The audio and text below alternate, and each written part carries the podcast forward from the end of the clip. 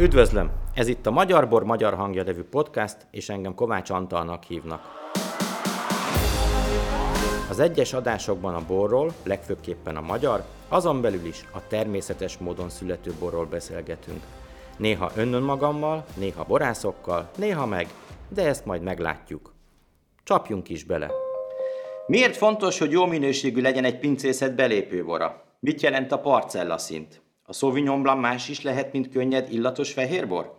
Többek között erről is szót ejtünk mai beszélgető partneremmel, ifjabb Figula Mihályjal, a Balatonfüre Csopaki borvidékről. Szia Misi! Sziasztok, sziasztok! Köszönöm a meghívást! Mi köszönjük a, a lehetőséget, és te egyből el is mondanám a tisztelt hallgatóknak, hogy a mi kapcsolatunk egyébként már nagyon régi keletű dolog, hiszen ti 1993-ban indultatok, az volt ugye nálatok az első szület, én pedig nem sokkal utána 1994 márciusában lettem a Gundel szomelié, akkor váltottam Malatinszki Csabát, és én nem emlékszem pontosan, hogy márciusban már ott voltak a boraitok, vagy sem, és később én vittem be, de az biztos, hogy rövid időn belül egészen biztosan ott voltak a kínálatban, és sok esztendőn keresztül a Balatonfüred Csopaki borvidék kizárólagos képviselői a borlapon, azok ti voltatok. Aztán ugye én 2001-ben tovább léptem a Gundelből, mentem a, a Cvakborházhoz, ott lettem szomélé, válogattam a borokat, és elég gyorsan arra jutottunk, hogy bővíteni kell a kínálatot, és az elsők között hozzátok látogattunk el. Cvak Sándor volt a, a, a partnerem, akivel elmentünk hozzátok, és akkor ott megint csak megvalósult egy együttműködés, egy közös munka, és 2009. szeptemberében aztán megint tovább léptem, akkor alapítottuk meg a pincáron.hu-t, és az első években, hát az első jó pár évben ezt mondhatjuk, mi kifejezetten a pici pincékre koncentráltunk, de eljött az idő, amikor úgy éreztük, hogy nyitnunk kell másfelé is, és néhány héttel ezelőtt beszélgettem telefonon Csutorás Ferenc barátommal, Egerből, és ő mondta, hogy ha ilyen terveink vannak, akkor téged mindenképp hívjunk föl, mert nagyon jók a boraitok. És ő föl is hívtalak, és néhány nap múlva már ott is voltam nálad, és miután fogadtál minket, te néhány perc türelmet kértem, mert elmentél édesanyádért, valahonnan elhoztad őt, és amíg rád vártunk, addig a kollégád, a Szakács Anti, a megmutatta nekünk a, az úgymond belépő olasz rizling borotokat. És akkor kóstolom a bort, és akkor kérdem tőle, hogy Anti, ez, ez melyik bor? Ez a belépő borok. Elmondom, te szórakozol velem. De ez, ez a belépő borotok? Azt mondja, igen. Elmondom, azt nem hiszem el. Azt mondja, de higgyem el, azt, hogy innen indulunk. És akkor így egymásra néztünk a kollégámmal, és akkor csak úgy néztünk ki a fejünkből, hogy no várjál már, milyen borok lesznek még itt. De az volt az a pillanat, amikor én majdnem azt mondtam a kollégáknak, hogy urak, időt kérek, fél órára van szükségem, mert én ezt az üvegbort most meg fogom inni. Ugye? De hát akkor jutott eszembe, hogy én vagyok a sofőr, nem ihatom meg még egy pohárral se. Úgyhogy ez volt a kezdő felelés, tehát te, mire visszatértél, addigra már úgy, úgy nagyon vártuk, hogy, hogy, hogy mi fog történni, milyen borok lesznek. És az első kérdésem erre is irányulna, erre a konkrét borra, hogy ez az olasz Riesling egy nem megszokott, nagyon magas szinten nyit rá a világra, hogy ez egy tudatos döntés, vagy, vagy ez így alakult, ilyen lett? Nem, hát alapvetően pont az a cél, amit elmeséltél. Tehát, hogyha ha valaki ellátogat egy borászatba, legyen az bárhol a világon, uh-huh. ott uh, nekünk bizalmat kell nyerni. Bizalmat nyerni nyilván a belépőtétellel lehet. Tehát én nem a legmagasabb árfekvésű tétellel kínálom meg azokat a borkedvelőket, akik odaérkeznek, meg kell mutatni, hogy, hogy mi az alapvetés. Tehát gyakorlatilag ezt azt is hogy ez egy folyékony névjegykártya. Bárhol a világon, ha valaki hozzájut egy ilyen palackhoz tőlünk, akkor ezzel nekem bizalmat kell nyernem abba az irányba, hogy utána ő megkóstoljon dűlőszelektált, majd parcella szelektált borokat is, mert hát így épül fel a, a, a választék. Úgyhogy az alapbor miensége, az szerintem egy borászatnak a mienségéről árulkodik. Tehát, hogy, hogy ott, ott nagyon-nagyon résen kell lenni, én, én megkockáztatom, hogy nekünk szakmailag nagyobb kihívás az alapbor elkészítése, mint egy dűlősé, vagy akár egy parcella szintűjé, hiszen ott, hogyha tökéletes a szüreti időpont, és nem, nem védettünk hibát a szőlőbe, abból jó bor lesz. Ugyanakkor egy alapbornál, amit nevezhetünk falubornak is, uh-huh. ott ugye több dűlőből dolgozunk, jelen esetben a 2020-asnál ez 8 dűlőnek a termése, ez uh-huh. 8 darab születi időpont, Igen. úgyhogy ez egy nagyon-nagyon precíz, rendkívül következetes szőrészeti felkészültséget igényel, és utána a megfelelő pillanatot, amikor a születi napot kiválasszuk, hogy a végén az a bor, ami a te poharadba kerül ott a pince előtt, annak, annak tökéletesnek kell lennie. Tehát az a világ az elmúlt, hogy, hogy a belépő bor nem kell, hogy kiváló legyen. Tehát, annak hibamentesen kell üzemelnie, a pince előtt is, de ugyanakkor a világon bárhol. Tehát te is mindegy, hogy hol bontják ki, annak ott azonnal tökéletesnek kell lennie. Úgyhogy ebben nyilván rengeteg, rengeteg munka van, de hát az alapkoncepció, meg az alaphozzáállás egyébként az általad is jól ismert édesapámtól, illetve édesanyámtól érkezik. Tehát ők mindig azt mondták, hogy, hogy a, egy komoly borászatnál minden egyes bor a lehető legnagyobb igényességgel készül el. Tehát ebbe különbséget a tételek között nem teszünk. Nyilván a, a, a további rész az már önköltség kérdése, hogy nem mindegy, hogy 30 deka szőlőt szüretelünk egy parcellánál tőkénként, és akkor ki lehet számolni, hogy itt van olyan termék, ahol 5-6 tőke termése kell egy üveg borhoz, vagy egy alapbornál, még a tőkénkénti termelés simán lehet másfél kilogramm, hiszen az sem sok. Tehát, hogy, hogy ezek, ezek, ezek ilyen érdekes dolgok, de, de, de úgy, ahogy mondtad, és ennek nagyon örülök egyébként, hogy ez teljesen egyértelmű volt ott az első pillanatban, még nélkülem is, ha valaki a figura pincéhez befárad, akkor ilyen borral ö, kell várnunk. Igen, mondta Anti nekem, hogy ott a hozamkorlátozás ilyen egy-másfél kiló közötti volt per tőke. És ennek azért is örültem, mert számomra is egy visszaigazolás volt. Mert én is ezt figyeltem meg. Én azt figyeltem meg, most nyilván nem lehet ennyire általánosítani, de azért valamennyire mégis, hogy egészen extrém dolgok, azok jellemzően egy kiló alatt történnek.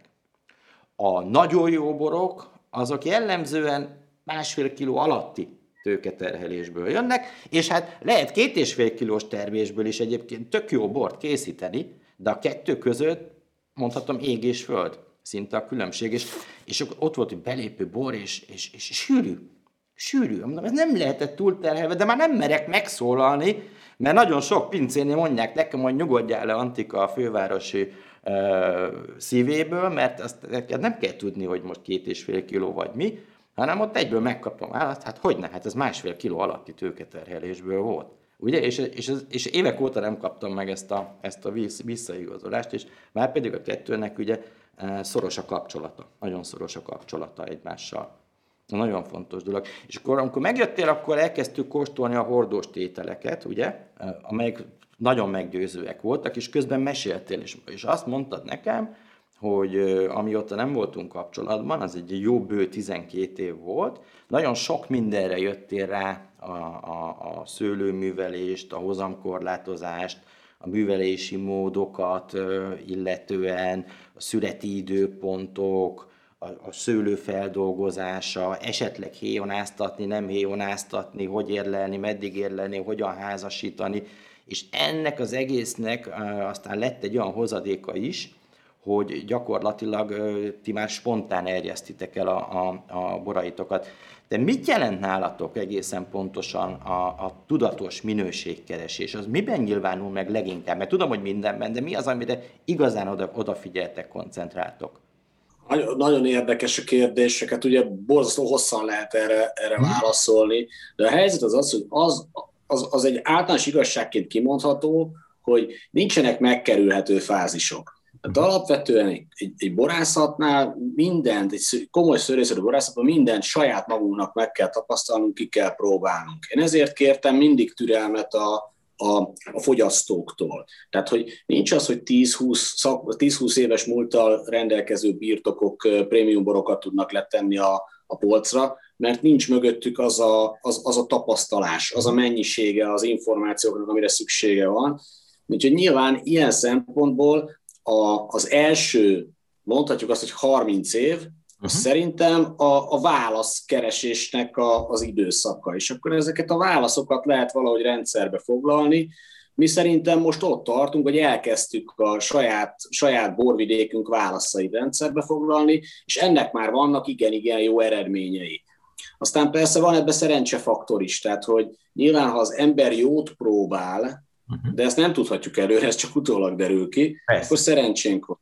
Akkor is szerencsénk van, hogyha kapunk, mit tudom én, egy csomó információt ingyen és bérmentve a felmenőktől, mert ugyan az elmúlt rendszerben nem lehetett komoly magánborászatokat üzemeltetni az országba, de az én anyai nagymamám és az a család, az gyakorlatilag egész életében ezt csinálta, mindig termeltek bort, és azok a információk, az információ morzsák, azok nekünk hihetetlen energiákat adtak. Tehát gyakorlatilag szőlészetileg is, borászatilag is mindent megpróbálunk, és akkor csak egy-két ilyen érdek, érdekesség a, a, a, az egésszel kapcsolatban az ő idejükben, ami nekem nagyon-nagyon megkapó volt, ugye a szület egészen máshogy zajlott, mint ma. Ezeket a Riesling táblákat szüretelték, mondjuk egy átlagos, egy, egy hektárt leszettek mondjuk egy nap alatt, és volt hozzá mondjuk 40 ember, aki szedegette, és aznap nem csináltak semmit a szőlővel, másnap darálták le.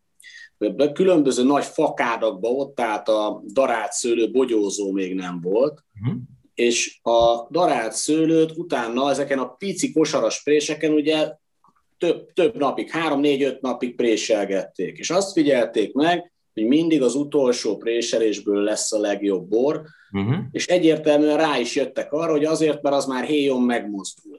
Tehát nem csak, hogy héjon áztattak, hanem már egy picit héjon is erjesztettek. Uh-huh. És akkor ezeket, a, ezeket az információkat vittük mi be a, a saját lehetőségeink közé. Ugye, ami a héba van, az, az ha azt eldobjuk, az, az a nettó veszteség. Ez olyan, mint amikor a, a szülők meghámozzák az almát a gyereknek. Tehát, hogy, hogy a héj a legfontosabb, az egyik legfontosabb része a szőlőbogyónak, a héból való extrakciót meg kell oldani. És akkor innentől fogva különböző történetek vannak, melyik szőlőfajtát hány óráig érdemes és lehet héjonáztatni, melyek azok a szőlőfajták, amiket mondjuk el lehet kezdeni héjon erjeszteni de nem jó végigerjeszteni, és melyek azok, a, és fehér szőlőkről beszélek, amit akár teljesen végigerjesztünk, tehát a, a teljes erjedés héjon megy végbe, ugyanakkor, mivel jobbak a lehetőségeink a, a most, mint száz évvel ezelőtt, nyilván én például héjon hűtve erjesztek, uh-huh. és innentől fogva ez az extrakció ez sokkal igényesebben megy végbe, mint hogyha 35 fokon rotyogna egy fakádba a, a, a bogyó és borzasztóan kíméletesen bánunk vele, hiszen egy fehér szőlőnél nem cél, hogy például a magból bármi húzós, keserű íz, ízbe beoldódjon. Tehát, tehát kismillió ilyen játékunk van, láttad is a pincénél, erre kialakítottunk egy külön kis hűtőrendszert, külön kis edényekkel, ja.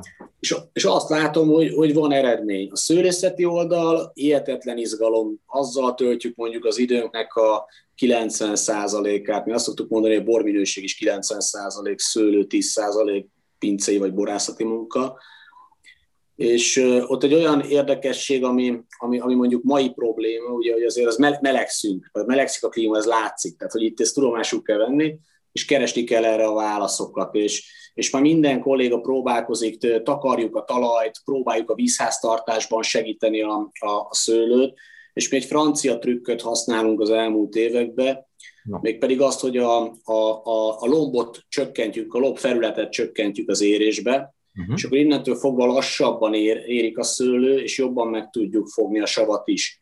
Hiszen az egy, az egy komoly gond lehet, hogyha a vegetáció nagyon-nagyon lerövidül, akkor nem lesznek gazdagok, tartalmasak a borok, mint amit az alaprizling kapcsán is említettél. Igen. Tehát, hogy az egy kicsit olyan, mint az üvegházi paprika, meg a szabadföldi paprika, hogy az egyik paprika formájú, a másik paprika ízű. Igen. A szőlőnél dettó ugyanaz a helyzet. Tehát, tehát nekünk valahogy az a célunk, hogy minél hosszabb legyen az érési idő, mm. és mhm. ehhez keresünk különböző igényes trükköket. De gyakorlatilag ez valószínű, hogy az utódok életét is ki fogja tölteni. Há, Csak közben, hogy meg is lehessen ebből élni, el kell jutni addig a minőségig, amire nem a figura család mondja azt, hogy jó, hanem gyakorlatilag a, a, a szakértők és a szakértőkön túl maga a piac. Tehát, hogy, hogy, hogy, az, hogy igen, tehát az, hogy Magyarországon világhírűnek lenni, ezen, ezen, a, ezen az árnyékon át kell, át kell lépni. A magyar boroknak át kell lépni az ország határ, ahhoz, hogy egy olyan mezőnybe tudjuk vizsgálni a, a munkánknak a minőségét, ahol nagyon-nagyon sokan vagyunk, és nagyon sok jó és nagyon-nagyon komoly borászat van. Így van. Én azt szoktam mondani, hogy a bor 90%-ban a szőlőterületen készül el. A 10% ami a pincében történik, és ha nincs szerencséje vagy kellő tudása a borásznak, akkor ott még el is tudja rontani. Tehát nagyon nagy tapasztalat kell nyilván ahhoz a részéhez is. Most ö, több borcsaládotok van, ugye vannak az alapborok, vannak a dűlőszelektált borok, amelyekben én van, amikor hiszek, van, amikor nem. Amikor azt érzem egy dűlőszelektált borban, hogy egy picit öncélú, nem lehet benne azt érezni, amit megmagyaráznak nekem, akkor nem vagyok a barátja. De például a Lőce olasz Riesling egy nagyon jó példa arra, ami most szintén megjelent nálunk, hogy, hogy van mondani valója. Egy nagyon egyedi karaktere a bornak, tehát amikor megkóstolja az ember, akkor maga a bor egy híd köztem és a termőhely között. Na, itt azt mondom, hogy itt igenis rá kell írni a dűlő nevét a borra. És akkor még ez fölött van ugye a parcella szint. Ezen mit értetek, mert az ilyen borokat ma még nem igen keresik, már nem a fogyasztó, még a, a, a borászok sem faggatják ennyire a termőhelyet, a dűlőket. Mit értünk a parcella szint alatt? Alapvetően ez, a, amit említettél, ez a hármas foglalja össze a, a munkát, gyakorlatilag ez a falubor, dűlőbor, parcella szint, ez a három kategória, ami még egyszer mondom, minőségét tekintve nem különbözhet egymástól. Tehát uh-huh. ugyan, ugyanazzal az igényességgel műveljük a szőlőt, és készítünk belőle bort. Uh-huh. A különbség abban van, hogy a területen belül keressük a különbségeket. A parcella az egy nagyon-nagyon izgalmas dolog, így gyakorlatilag a dűlőből szüreteljük ki azt a különbséget, ami a dűlős szőlőnek a homogenitását veszélyezteti. Ez egy kicsit ilyen tudományosan hangzik, de nem az. Uh-huh. Egyszerűen arról van szó, hogy a vegetációban ránézünk egy egy hektáros táblára, és azt látjuk, hogy ott van egy folt, ahol gyengébb a növekedés, vagy erősebb, vagy világosabb a lomb, akkor ott van a talajban valami különbség. Ha ez egy, ha ez egy folt, és ez a szőlő minőségen tetten érhető akár negatív, akár pozitív irányba, akkor én nekem ezt a dűlőből ki kell szüretelnem ahhoz, hogy a dűlős borom az, az, az, az, az, hogy mondjam, hosszú távon kristálytiszta, megfogalmazható minőséget adjon, és ne legyen például neked olyan érzésed, hogy a, a dűlős bor az csak egy ilyen úri huncutság, meg be, be, belemagyarázás. Ez nagyon fontos. Ezért szeretem azt, hogyha ha, ha a dűlős boron kristálytisztán lehet érezni azt, hogyha mondjuk az ember három figura rizlinget egymás mellé tesz, akkor ott, ott annyira egyértelműek a különbségek, hogy a, a, a dűlő innentől fogva evidenciaként kezelhető. A parcella ennél szerintem komplikáltabb, nehezebb, mert ott gyakorlatilag nagyon-nagyon nehéz annyi parcella szintű bort készíteni, hogy legyenek például hasonlítgatási alapok akár ugyanarról a területről. Nekünk olyan ritkán sikerül a parcella, hogy 2009-ben volt először, aztán 2016-ban, és most 18-ban mhm. ugye van ez a, van ez a Sauvignon szelekció, de ez egy nagyon érdekes dolog, hogy, hogy a, ha a parcella pozitív, azaz kiugróan extrém magas beltartalmú a, a, a szőlő levének a minősége, akkor abból meg kell próbálni parcella szintű bort készíteni. Ha, ha úgy adja a jó ég, hogy az egy gyengébb minőségű szőlő, mint amit én a dűlősbe tennék, akkor simán ö, osztályozhatom azt a szőlőt akár a, a faluborba, mert a minőségét nem rontja. Így nem van. erről van szó, ez nem, nem eldobandó szőlő.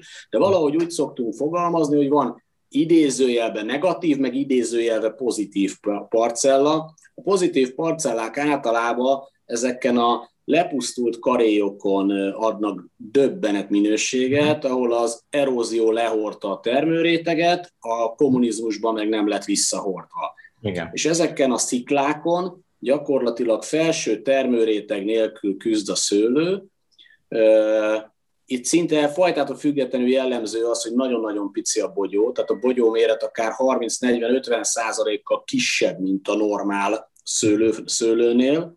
Éppen ezért kevés a lé, és nagyon-nagyon pici a, a, a termés mennyiség. Tehát magyarán ebbe koncentrálódik szinte minden, és ebből lehet készíteni nagyon-nagyon kevés, de extrém magas minőségű bort, amit én leginkább arra gondolok használni, azon túl, hogy ez nagyon nagy, hogy mondjam nektek, ilyen, ilyen tehát gyakorlatilag ez, ez maga a luxus, nekem is. Tehát amikor én ilyen bort tudok inni sajátból vagy mástól, ez maga a luxus kategória, hogy ezt a, ezt a töménységet az ember így megfigyeli, hogy hogy változik évről évre. De ezen kívül arra nagyon-nagyon jó, hogy, hogy valahogy kiverjük a biztosítékot megint csak külföldön, mert sajnos én még mindig azt érzem, hogy, hogy nagyon-nagyon rossz az átlag magyar pozíció külföldön. Tehát kellenek a kiugró teljesítmények ahhoz, hogy felkeltsük a, a, a, a külföldiek érdeklődését a magyar bor iránt. Abszolút, abszolút. Hát a Sauvignon Blancról ugye az emberek fejében az van, hogy ez egy könnyű, friss savú, életteli,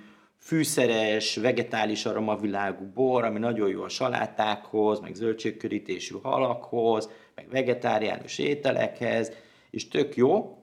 És euh, én már régóta tudtam, hogy ebből a fajtából mást is lehet, ugye, mert picit megerőszakolják ezt a, ezt, a, ezt a szőlőt, nagyon sok a világon. Szükség van arra a könnyű, illatos Sauvignon Blanc verzióra, mert a gasztronómia számára szinte pótolhatatlan társításokat ad a kezünkbe.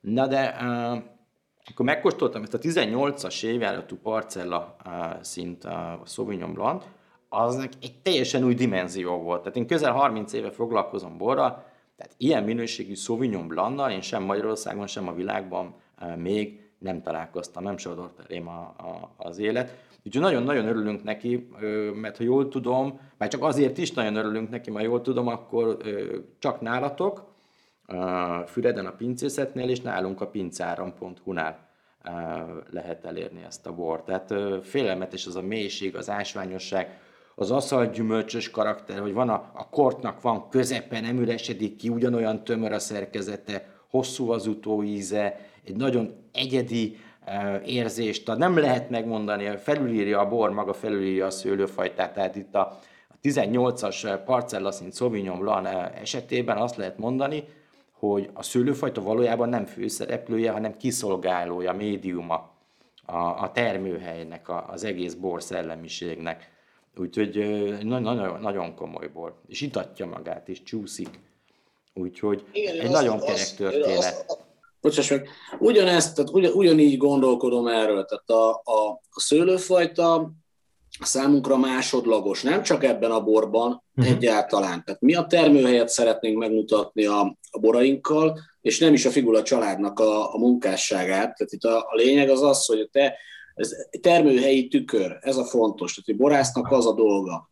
És mivel a mi borvidékünk, és egyébként szinte az egész országról elmondható, hogy hihetetlen értékes borvidékeink vannak, de hogyha ha én egy kicsit hazabeszélek, és csak a, az Észak-Balatont, vagy azon belül Füred-csopakot éltetem, akkor én azt tudom mondani, hogy, hogy tiszta Burgundia. Tehát alapvetően ez valami egészen extra, hogy ott mire vagyunk képesek, és hát igen, egy ilyen Sauvignon Blanc parcella szint, az megint az a kategória, hogy elkész, mit tudom én, két kis hordónyi bor, azt lepalackozzuk, és akkor utána megpróbáljuk olyan csatornákon értékesíteni, ahol bízik benne az ember, hogy kellő információ mennyiség mellett otthon ilyen, ilyen egészen extrém pillanatokat fog okozni, mert a bor az erre való. Tehát a bor az egy ilyen megfizethető luxus, gyakorlatilag akármilyen nap és napszak van, vagy évszak, hogyha valaki egy szép bort otthon ki tud bontani, és afelett ugye el lehet merengeni, az, az, az szellemi táplálék is egyben. Tehát, hogy, hogy nekünk, nekünk ez a célunk. Én nagyon nem szeretem, amikor a bor, bort lealacsonyítjuk egy ilyen alkoholos ital szintjére, mert mindig is sokkal több volt ennél. A sablonos gondolkodástól meg egyszerűen a hidegfutkos a hátamon, tehát hogy, hogy milyen bort kell készíteni adott szőlőfajtából. Hát ne, ilyen nincsen. Milyen bort lehet készíteni adott borvidéken? A, a, a kérdés az, az, az így hangzik el, úgyhogy mhm. én nem szeretem a, a sematikus dolgokat, nem is megyünk ebbe az irányba. Nyilván ez egy rögös út, tehát ehhez a gondolkodáshoz nehezebb fogyasztókat találni, mint, mint a, a másik megoldáshoz, de de ugyanakkor én ezt tanultam, ezt hallottam állandóan a családban, minden egyes vasárnapi ebédnél, másról se beszéltek, csak a dűlőkről. Uh-huh. Már a gyerekkoromban is. Igen. Tehát, hogy nekem ez, nekem így könnyű dolgom van, mert állandóan ezt, ezt, ezt, ezt hallgattam, úgyhogy ezt próbáljuk megmutatni, és ebbe az én kollégáim abszolút partnerek, tehát ők, ők ugyanígy gondolkodnak erről, mindenki ilyen megveszekedett minőség, minőség párti, nagyon jó, a, nagyon jó a hozzáállásuk, ez nekem nagyon nagy könnyebbség, hogy, hogy mindig, mindig van olyan ember bármelyik szőrészeti borászati fázisnál, aki, akinek hihetetlen rajongása van ebbe az irányba. Igen, mert ugye kell egy vezető, de ugyanakkor azért mondjuk ki, ez egy csapatmunka. És ez egy nagyon erős és jó elkötelezett csapat kell. Jó, Misi, lassan, már túl is léptük egy kicsit az időt, de nem baj. Még egy utolsó kérdést hagyd tegyek fel, hogy ugye klasszikus értelemben ti nem vagytok vendéglátósok, valamilyen szinten mégis foglalkoztok ezzel, nagyon sokan látogatnak el hozzátok a pincészetbe, és azon felül, hogy ott is meg lehet vásárolni nyilván a borokat, mit tudtok még kínálni a hozzátok betérőknek? Nézd, én azt szeretem, hogyha ha, ha kellő kíváncsisággal érkeznek a, a, az emberek, mert akkor van miről beszélni. Tehát mi sose vagyunk fáradtak az, hogy kinyissuk a pincajtót, körbesétáljunk, sőt, a legjobban az, azokat a borbemutatókat szeretem, ami a szőlőbe kezdődik. Tehát milyen dőlőtúrákkal szoktuk összekötni ezeket a, ezeket a programokat, mert maga az a természetes környezet, amiben mi élünk és dolgozunk, az rengeteg, rengeteg embernek ilyen, ilyen egészen hihetetlen, szinte ilyen fantasztikus filmbe illő környék. Uh-huh. az, amikor valaki mondjuk a, kinnál a Gella hegyen, és a, előtte az egész Balaton, a lába alatt hever, és ott vannak a legszebb szőlőtőkék, ez egy óriási dolog, úgyhogy mindig azt szoktuk mondani, hogy, hogy nálunk álljon meg egy kicsit az idő, tehát nem, nem, nem rohanunk. Ha valaki eljön, bejelentkezik egy borkostolóra, akkor mi erre rászálljuk az időt, és kizá, kizárólag, és még egyszer ez fontos, tehát értő kollégákkal, tehát nem csinálunk ilyen, hogy mondjam nektek, ilyen rossz értelembe vett balatoni vendéglátást, uh-huh. hogy gyertek ide, igyatok fröccsöt, mert, mert, mert arra, arra nincs idő. Tehát nekünk csak arra van időnk, hogy azt a fajta munkát, szemléletet próbáljuk meg átadni, ami, amit, ami, ami a pincébe zajlik. Úgyhogy törődés, leginkább törődést tudunk adni. Jó. hogyha valaki eljön hozzánk. Jó, szuper. Misi, nagyon szépen köszönöm. További sok sikert, kitartást kívánok nektek az úton. Én úgy érzem, hogy nagyon-nagyon-nagyon jó úton jártok, és külön gratulálok, mert hát megdöbbentőek voltak. A kóstoló alatt igazából én azt hittem, hogy háromszor is leteszem a hajam, úgyhogy köszönöm szépen, minden jót kívánok én, nektek. Én, én köszönöm nektek a figyelmet, igyatok sok rendes magyar bort. Sauvignon Blanc bontunk ma este. Oké, okay, rendben van. Sziasztok! Sziasztok! Hello!